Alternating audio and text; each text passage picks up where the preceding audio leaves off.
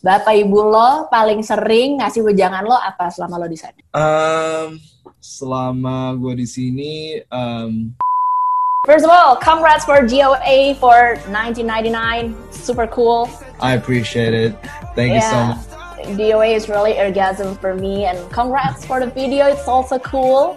So, Thank you. In 2017, with Pharrell Williams, you say that you didn't believe in love. You you, you felt like it's really with love life and stuff. Yes. Yeah, and today and this year in 2020, we have love in my pocket. What's going on? um, yeah. Uh, so, "Love in My Pocket" is actually, you know, a lot of people think it's like a romantic song, and it really does sound like it. But it's a, it's, it's like a universal kind of love, and and just like being happy about life, and and just being happy, and no matter what the circumstances are. And I think that's, you know, I have a girlfriend now, and like. I definitely believe in love. Pharrell definitely gave me some solid relationship advice, so thanks, Pharrell. I actually curious about the first time you got into the 88 Rising because that was a statement that you found the 88 Rising and then you, you start work with them on 16, I guess. But what did you do to reach them that time? I I didn't find them. It was through um, my friend Dumbfoundead, which at the time, you know, I was just so new to like rapping and hip hop that he was actually the first rapper that followed me back on Twitter.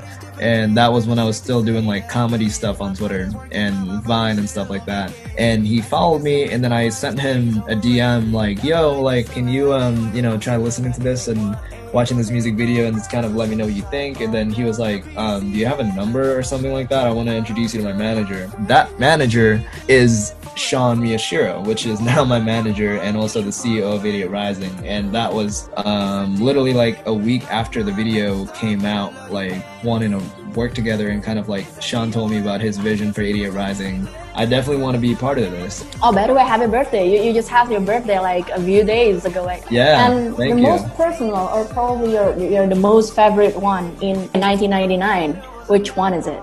Either when you come home or sometimes.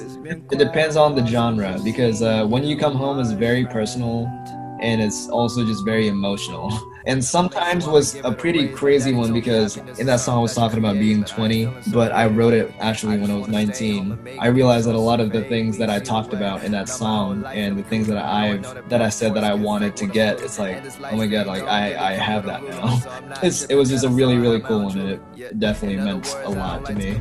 I, I watched your interview and said that you were in a hard moment to, to feel like living in the moment and some stuff. Are you okay there or everything's fine Yeah, I think uh, I think that was the whole um, that was the whole topic and the whole concept of uh, 1999. I was just going through like this space where I was just really anxious about a lot of things, and you know, being 16, coming to America, and like experiencing all this so fast. It's just like, and there's a lot of adjustments that you have to make, and you know, you need to adjust so fast to like a lot of different situations. So I think that's when, you know, and and I really hope that other people kind of are able to get that message to whatever whatever it is they're going through. That's really lovable. Okay, so let's move to the quick questions. All right. Okay, the last time you're crying. I cried when I was watching. Um, I saw Click by um, with Adam Sandler. Adam Sandler.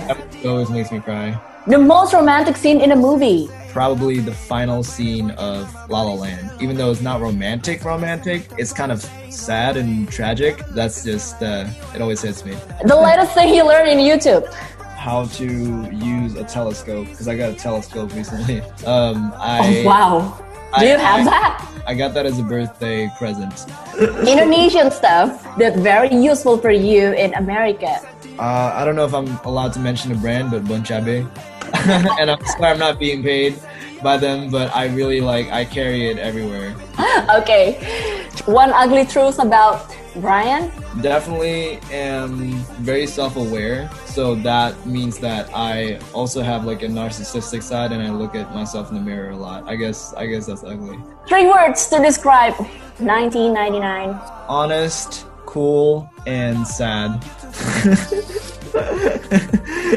it's it's life, you know.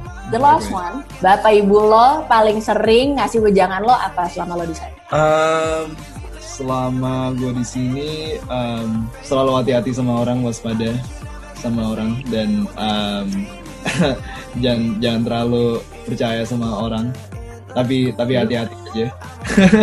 Tapi um, itu sih. Terus kayak um, mereka selalu bilang kayak jangan lupa makan makannya jangan daging daging terus kayak makan makan sayur juga gitu gitu and that's it